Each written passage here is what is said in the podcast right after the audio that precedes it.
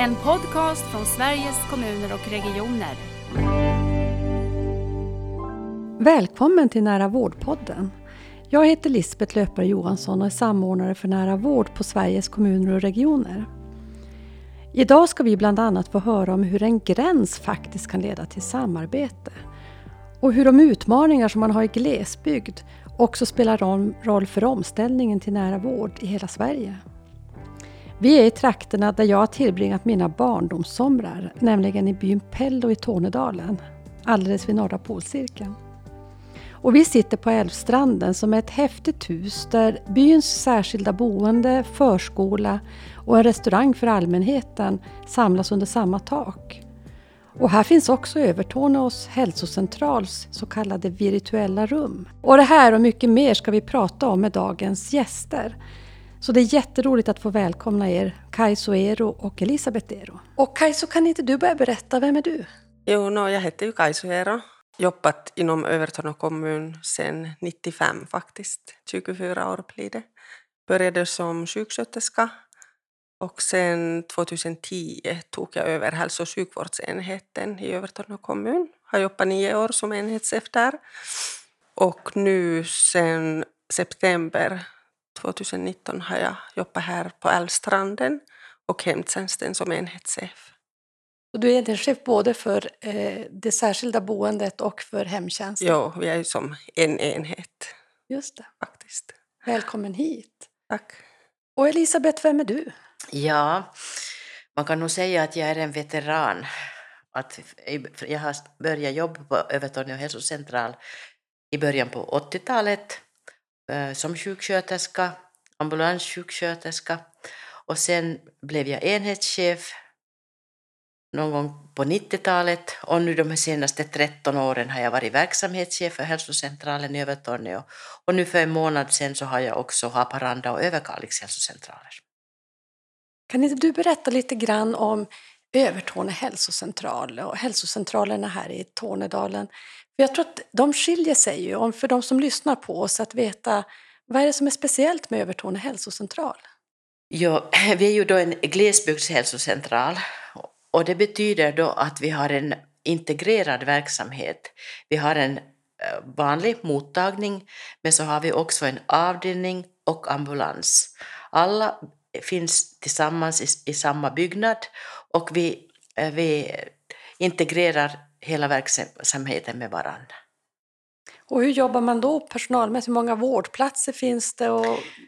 Sju, sju vårdplatser och så ambulanspersonal, då bilen inte rullar så jobbar personalen inne på avdelningen och mottagningen. Vad är det som är bra med det?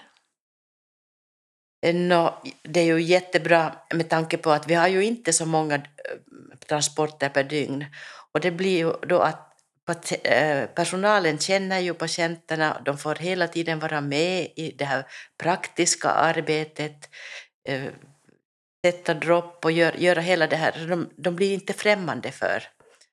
De tränar ständigt kan man säga. Just det. Kajso, kan du berätta lite grann om just Älvstranden som vi sitter på idag och, och hur det fungerar och har de här verksamheterna ihop? No, vi har ju 14 boendeplatser här på Älvstranden. Eh, sen har vi som sagt eh, hemtjänsten också. Ska säga. Målet är ju att vi ska, ju, vi ska jobba ihop med personalen också inom hemtjänsten och på boendet så att, att man kan vara på båda ställen där det behovs, behovet finns. Fast det är två olika verksamheter och det kan ju vara ibland lite svårt för personalen. Men, men, målet är ju så att, att vi ska kunna vara flexibla och komma över till andra verksamheter om det behövs. För att vi har ju brist på personalen också så att, att det är ju en viktig grej. Att samarbeta? Samarbeta. Mm. Vi har ju som sagt 14 boendeplatser och, och alla platserna är ju fyllda så att det är ju även kö hit till Pello. Så många som har bott här tidigare så vill ju komma och bo här sista tiden också. Och precis när vi kom hit så var ju förskolans barn och eh, de eh, äldre tillsammans och, och eh, gjorde aktiviteter och de förskolebarnen var och hälsade på, på bland de äldre. Gör ni det ofta? Ja, de kommer alltså när de, de har tid och vi, vi har ju planerat in alltså gemensamma aktiviteter med, med förskolan. Och, och vi försöker ju utveckla den biten också för att de har inte riktigt kommit igång ännu men nu ska vi börja även sema läcka till personalen vissa, vissa tider av dagen så att de har en kultkant så att då kan vi bjuda in barnen också och jobba mer strukturerat med samarbetet. Men samtidigt är ju målet att det ska inte vara så svårt för att de, de kan komma alltid när de kan. Alltså att det ska vara så naturligt. Precis. Att barnen kommer över och, och vi Ja. kan också gå och besöka dem på förskolan. Just det. Det ska bli, bli en, en naturlig samvaro mellan barn och äldre. Och sen finns ju också, när vi kom hit också på dagarna så kom det strömmade in folk från byn som skulle äta här så att också restaurangen är ju gemensam som jag förstår och där möts också de som bor på det särskilda boendet och, och eh, byns eh, andra personer från byn Jo. i samma restaurang och äter. Men Elisabeth, ni har också verksamhet här på Älvstranden. Eh, varför det och hur kommer det sig? Nå, det är ju en privatperson, Allan Lehto, som, som, det är ju hans idé till det här huset. Han har ju köpt upp en gammal skola och byggt upp det här. Och direkt när jag hörde om Allans idé så tog jag fast Allan och sa att men Allan, då vill vi ha ett rum här inne i huset. Och eh, tanken var ju då som att då kan vi erbjuda eh, befolkningen här i byn våra tjänster. Men vi behöver ett eget rum för det. Och Allan lyssnade, så vi fick till och med husets bästa rum kan man säga. Att- Med en skön utsikt över Torneälven och man ser fins, finska sidan på andra sidan. Och här har vi då, här har vi då ett virtuellt rum. Det betyder att vi har utrustning så patienterna kan ha kontakt med sjukhuset i Kalix och Sunderbyn. De behöver inte åka någonstans. Men, och, och vår läkare rondar ju här en, en gång per månad på det här äldreboendet. Och då äh, samma dag så fyller han eh, dagen med patienter utifrån. Så då har han sin läkarmottagning här. Och nu blir det nästa steg blir ju då att vi kommer att köpa tjänster av kommunens eh, distriktssköterska. Så hon kan göra lättare, eh, lättare eh, behandlingar här och ta blodprover och sånt. Så att allt för, för att minska på att patienterna ska behöva åka in till hälsocentralen. Hur långt är det till hälsocentralen? Eh, fem mil. Ni har jobbat väldigt mycket med att samskapa tjänster tillsammans med kommunen eh, under lång tid. Jag tänker på att ni köper tjänster nu av kommunens eh, sjuksköterska för att göra tjänster åt hälsocentralen. Varför gör ni det? Ja, jag pratade just med, med befolkningen här ute i, innan vi började den här intervjun. Och, och, för, och de här, alla säger men det här är ju så, det är så naturligt att samarbeta. Och vi har ju haft en långvarig tradition av ett um, joursamarbete. 37 år hade vi joursamarbete med Finland. Och det innebar till exempel att varannan helg och varannan vardag åkte Eh, finnarna till Sverige och vice versa på jourtid. Eh, och så har vi ju också ambula, eh, ambulanssamarbete och det betyder att den eh, ambul, ambulansen på prio ett fall, så den ambulansen som är närmast åker eh, till patienten. Så här i Pello är det väldigt vanligt att det är finska ambulansen som kommer och sköter patienten här på, på svenska sidan. Det är helt, det är vardag. Plus eh, röntgen också, samarbeta med- röntgen. Så med det här i bakgrunden så tror jag nog att det har varit, eh, då blir det ju naturligt, har man kunnat samverka över en landsgräns med olika lagstiftningar och allt sånt, så då är det ju något helt naturligt att, att man samverkar med kommunen, den egna kommunen. Och så för oss är det helt normalt, det, det är inte något konstigt. För det är ju så att eh, många blickar på er i just Övertorneå och tittar på ert samarbete och på både de utmaningar ni har och på det sättet som ni eh, jobbar. Kan inte du Elisabeth berätta mer, vad är det ni gör egentligen? Det är som så naturligt. Och det är ju det att jag, jag brukar säga så här att i Tornedalen vi är så pragmatiska och vi är ju väldigt lite folk här. Och vi ser ju redan på vår demografi att vi kommer att bli mindre och mindre och mindre så då är det naturligt att vi måste söka nya arbetssätt. Och för några år tillbaka så blev det så att till exempel kommunen hade, fick inte på natten sköterskor. Så då blev det som att, att regionens sköterskor skötte hela kommunens eh, patienter nattetid som bodde på Sebo. Och det var en sån lyckad lösning så det permanenterades direkt efter semestern. Att nu har vi så vi täcker upp för varann nattetid. Och på kommunens sida så det är ju SEMA planerat att vissa nätter är ju vår sjuksköterska placerad på akuten och jobbar där som vanlig sköterska men har även ansvar för kommunens särskilda boenden. Och då när vi inte har någon sköterska i tjänsten så har regionen två sköterskor och då ansvarar de för kommunens hemsjukvård och särskilda boende. Och det har funkat sedan 2017 jättebra. Ja. Då tänker man direkt så på ledarskapet. Då. Mm. Möts ni som chefer i verksamheten för att eh, se hur det, hur, hur det funkar i de olika verksamheterna? Eller hur ser det ut? Vi har alltid haft eh, kontinuerliga möten Alltid. Och då har det ju blivit, vi har ju hela tiden utmaningar, hur kan vi gå vidare, vad kan vi göra mera?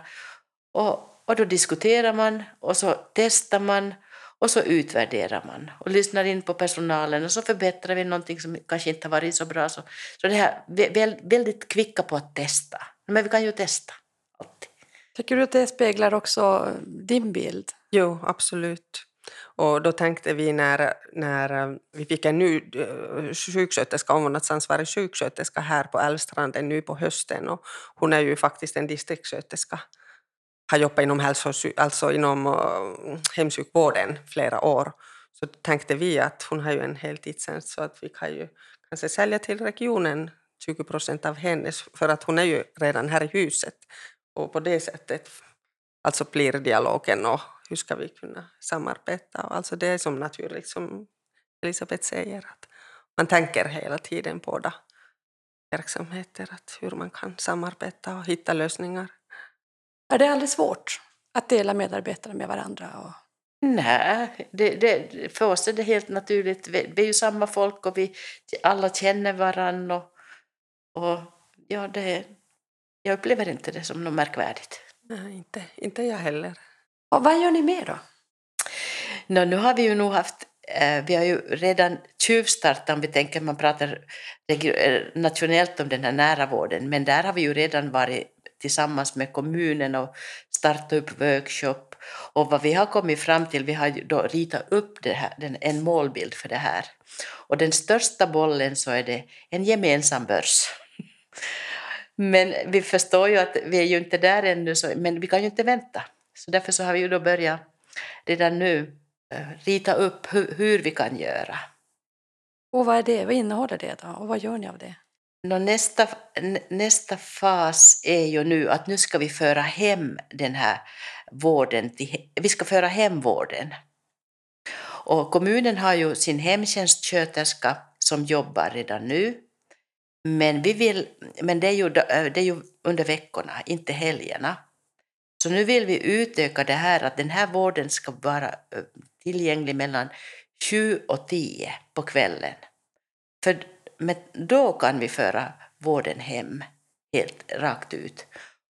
Och vi, då tänker vi ju eh, man pratar ju om den här skatteväxlingen, men det här är ju inte skatteväxlingen, för då tänker vi som så att, att det där, vi har ju våran avdelning, kommunen har sitt korttidsboende. Vi slår ihop de här avdelningarna, men det betyder ju då att vi kan minska på de här platserna och den här vården och de resurserna förs ut till hemmet istället. Så för det här är en jätteviktig punkt, för vi hade en medborgardialog med befolkningen här. Och, och då fanns det bland de här äldre en rädsla att ska vi bli helt utlämnade nu i, i det här. Så det måste vi verkligen eh, betona att vi kommer att stärka upp i hemmet. Och inte bara med sjuksköterskor, för det, eh, utan vi, jag ser ju att vi kommer att behöva fysioterapeuter och också arbetsterapeuter som en jätteviktig funktion i hemmen. Jag tänker, du pratar om medborgardialoger där jag vet att både kommunen och eh, och eh, Region Norrbotten har varit ute och ni är ute mycket och samtalar med medborgarna. Hur gör ni det och vad är det som eh, eh, driver det och vad kommer fram? Ja, det var ju tack vare SKLs projekt, då hette det ännu SKL, projekt Flippen och vi hade ju möjlighet att få komma med i det. Och det är en av de bästa sakerna vad jag har lärt mig, är det tjänstedesign. För då gick det är helt upp för mig att, att man kan inte göra någonting utan att man har medborgarna med. Att mycket har vi i vården, vi, vi har kört över patienterna, vi har pratat om patienten i centrum, men det har inte, det har, det har inte varit så. Men med de här medborgardialogerna så, så jag känner så här att nu för tiden då vi gör någonting, så vi går, gör aldrig någonting utan att vi har frågat befolkningen först och kolla upp, är det det som de verkligen behöver eller är det, är det någonting annat? Då blir det ju inte heller någon felsatsning, man är direkt mitt i prick. Vi har haft ofta, eh, med över två gånger per år med, i Övertorneå och vi har haft tre gånger här i Pello. Igår kväll var jag i Haparanda och då skojade jag med Haparandaborna för att jag sa att i Pello brukar det vara 30 personer, i Övertorneå 60 personer och Haparanda som är tre gånger större och det var bara sex personer där. Mm. Men jag sa de har ju säkert andra aktiviteter. Mm. att välja på. För här, här räcker det att man lägger upp en lapp på, på byabutikens eh, vägg så kommer det folk. Tänker, vad har kommit fram? Har du exempel Elisabeth på vad, vad som gjort skillnad med era samtal med, med medborgarna? Vad, har, vad lärde ni er? Nej, jag, jag, kan bara ta ett exempel. Att vi, hade, vi hade då för några år tillbaka sett en tanke om att vi skulle skapa ett hälsorum. Och då gick vi ut på byn. Vi hade en tomt av fyra papper, vitt papper. Vi hade bara ritat en dörr där det stod hälsorum. Och då gick vi ut, vi var säkert 14 personer som gick ut på byn. På skolan, högstadiet, lågstadiet, gymnasiet, affärerna, apoteket, på gatan, inne i hälsocentralens väntrum. Och så fick de eh, eh, önska sig att vad vill ni ha inne i det här hälsorummet? Och det fanns inget behov av något hälsorum. Men vad som tydligt kom fram var att vi vill ha en samlingspunkt där vi kan träffas och dricka kaffe och där, ni kan, där vi kan ha olika temakvällar. Och så vill vi ha de här virtuella rummen till hälsocentralen så att vi, kan, att vi kan göra våra besök mot sjukhusen inne på hälsocentralen. Och det har vi nu förverkligat. Och det är ju verkligen, det är ju inte någon felsatsning att de pengarna är satsade rätt. Just det. Ja. Så nu, har ni, eh, nu lyssnar ni på medborgarna och så nu har ni verksamheten på det sättet? Ja, det har vi, men, men vi upplever ju ändå att vi har ändå inte så många virtuella besök ännu. Det går väldigt långsamt. Men det handlar inte om våra patienter, men jag tror att det, det är en Läkarna på sjukhuset har ännu inte hunnit med det här, det här nya arbetssättet. Och de kanske inte förstår vad det innebär för en patient från Tornedalen att ta, in, ta sig in till, till närsjukhuset som är 8 mil borta och länssjukhuset 16 mil borta. För patienten innebär det minst åtta timmar i bil fram och tillbakas. Ehm, och kanske en anhörig som tar ledigt för, från jobbet och följer med. Så det betyder väldigt mycket för den enskilda patienten att åka in till sjukhuset. Det förstår man ju verkligen. Ja. Om man ska kunna leva livet och inte bara tänka att man ska frakta sig till vården för ja, ett kort besök. Ja. Jag tänkte när vi är inne på det här med medborgarsamtal och dialoger. Kajso, har du någon erfarenhet? Är det någonting som eh, ni har jobbat med mer från den kommunala sidan? Eller? Eh, det som jag nu kommer på så, så vi har ju haft gemensamt det här med äldredagen i kommunen. Typ tio år mm. nu. Ja. Så att där, Du har ju Elisabeth också varit nu själv med där. Vad gör man där? Eller Vad är det för nästan. Jo, vi är alltid där tillsammans. Eh, Vi, eh, eh, där är ju alla tjänstemän och berättar om sin verksamhet. Vi, vi har alltid varit där och berättat om vad som händer inom regionen. Mm. Och alla nyheter, vad är det som är på gång kring biståndshandläggning till exempel. Det här med förenklat biståndshandläggning. Och, Och så brukar vi då eh, passa på och, och det, jag brukar eh, passa på att dela ut lappar. Att har de några önskemål så, får de, eh, så samlar jag in. Att, alltid där folk är samlat så ska man ju försöka få in så mycket som möjligt och, så de får skriva till oss. Ja, det, det är en väldigt trevlig dag. Mm. Och Folkets hus är fullt, för då, den dagen så bjuder kommunen alla på lunch. Så den är väldigt uppskattad den där dagen. För det jag hör egentligen att jag tänker att eh, vården och omsorgen spelar roll i, i samhället och blir en plats i samhället. Mm. Jag tänkte mer om att koppla på det här med virtuella rum.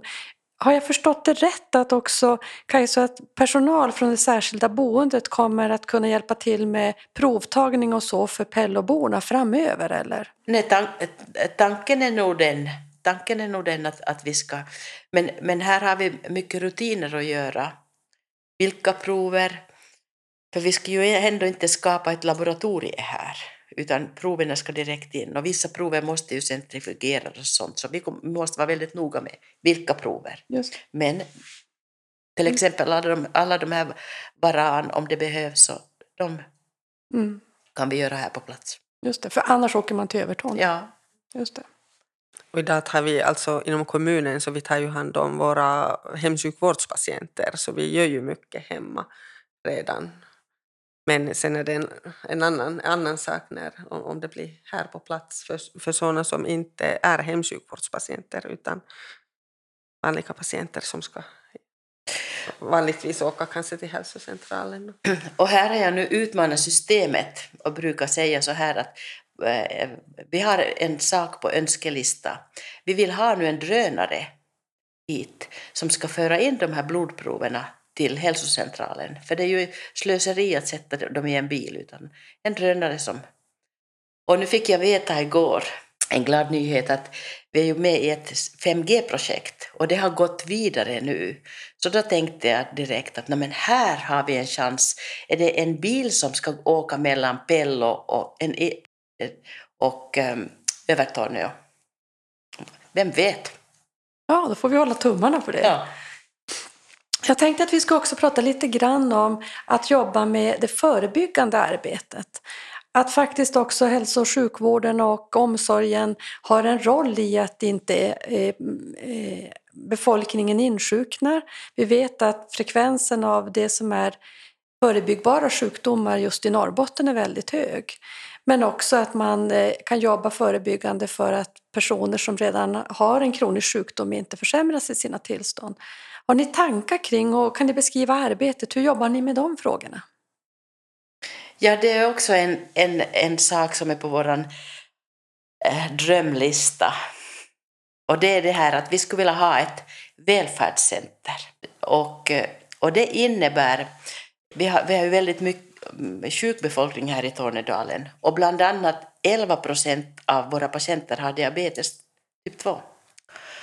Och vad vi, vi, vi, har, vi, vi har en dröm om att vi skulle kunna förflytta den här insjuknande eh, kanske med tio år, att de här äldre, våra seniorer, skulle få ha flera friska år. Så om man, och tänk bara om man kan eh, förflytta att insjukna i diabetes med tio år. Vilka vinster det är för patienten, men också vilken samhällsekonomisk vinst det vore. Och det är helt möjligt, men vi, då behöver vi verktygen för att göra det. Just det. Jag tänker mig, jag har varit på besök hos eh, dig Elisabeth på Övertorneå hälsocentral och eh, där har ni ett eh, gym också som ni köpte in på hälsocentralen. Ja, vi har ett toppenmodernt gym. Och, det där, och det, för att komma in på det gymmet så ska man då ha en, man utgår från en medicinsk diagnos. Ehm, och det kan då vara diabetes, eh, diabetes också, och då tränar man enligt ett, ett sådant program. Och så har vi ju eh, hjärtteam, vi har väldigt många olika team.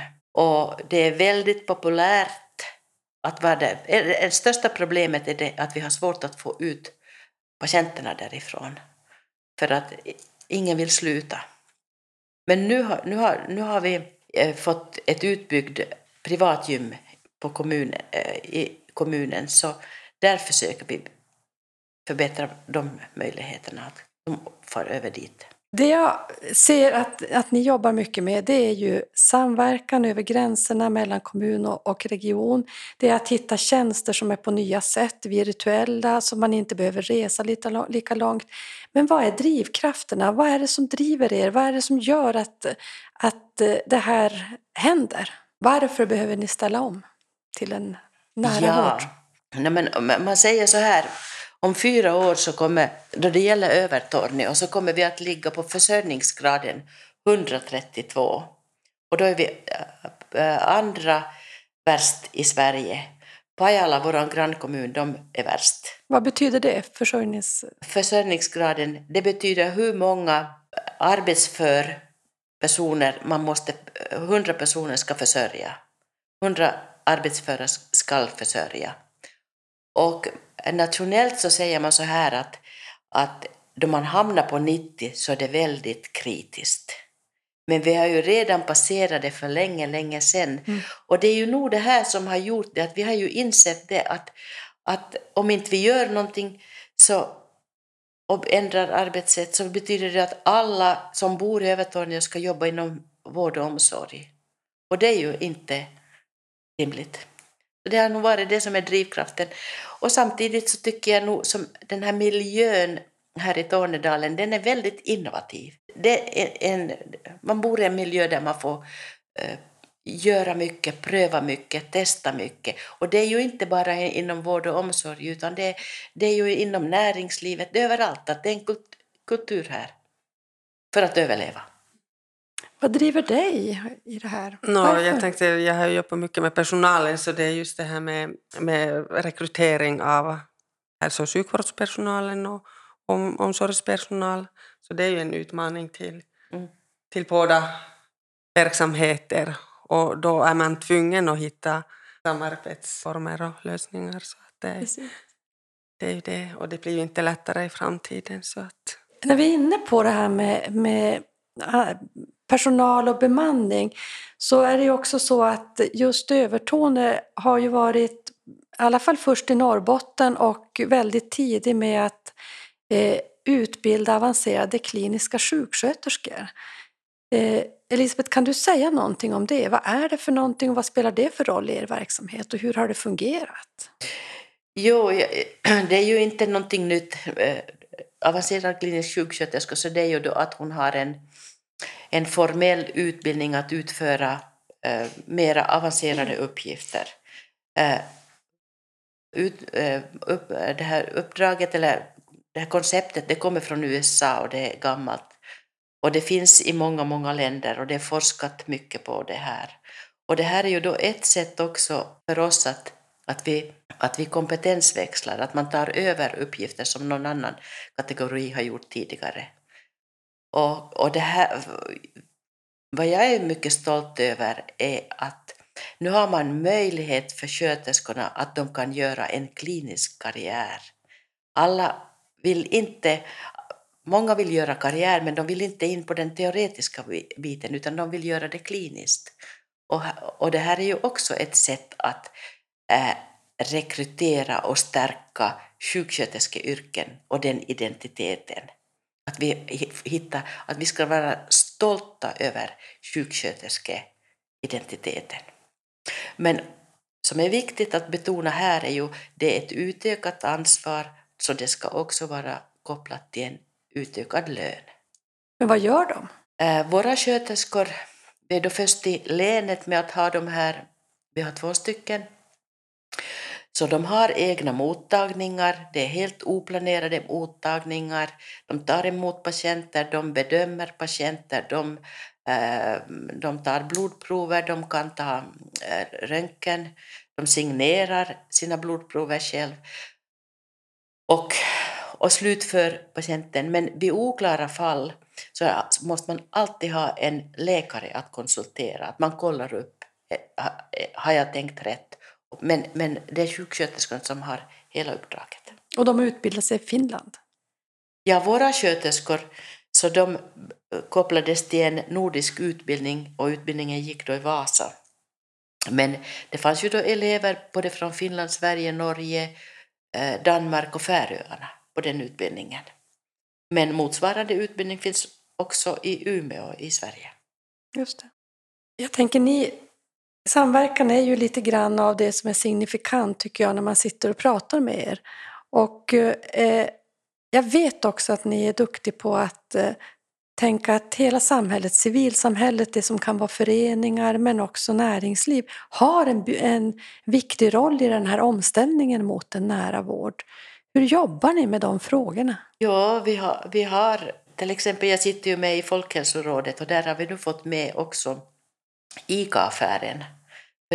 men vi har inte kommit eh, ner på detaljnivå, men det är jätteviktigt att de också är med i det här med tanke på, med tanke på våra barn och hur, hur man har placerar varor i affären och sånt. Så det är något sånt, men vi har inte kommit dit ännu. Men, men det är en, en sak.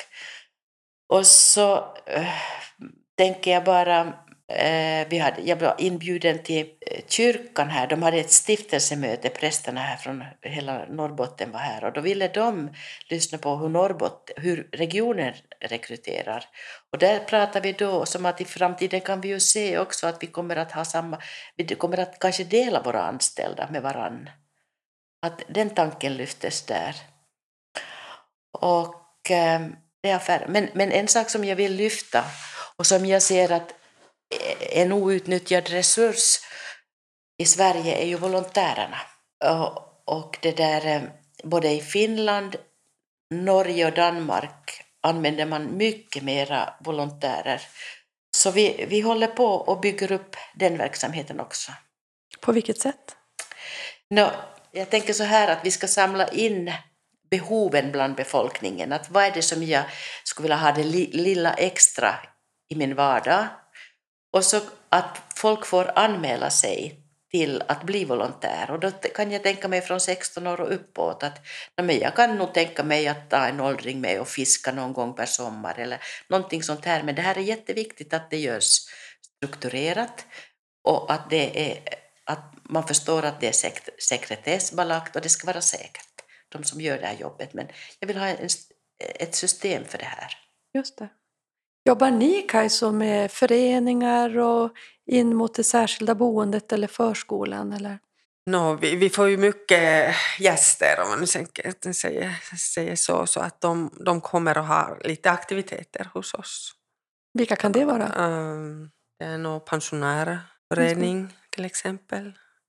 Alltså byborna som kommer och sjunger med våra äldre och kanske bakar. Och, att de, de, de kommer alltid då och då. Jag tänkte en liten utstickare, men just Tornedalen, här finns det också ett minoritetsspråk som heter meänkieli.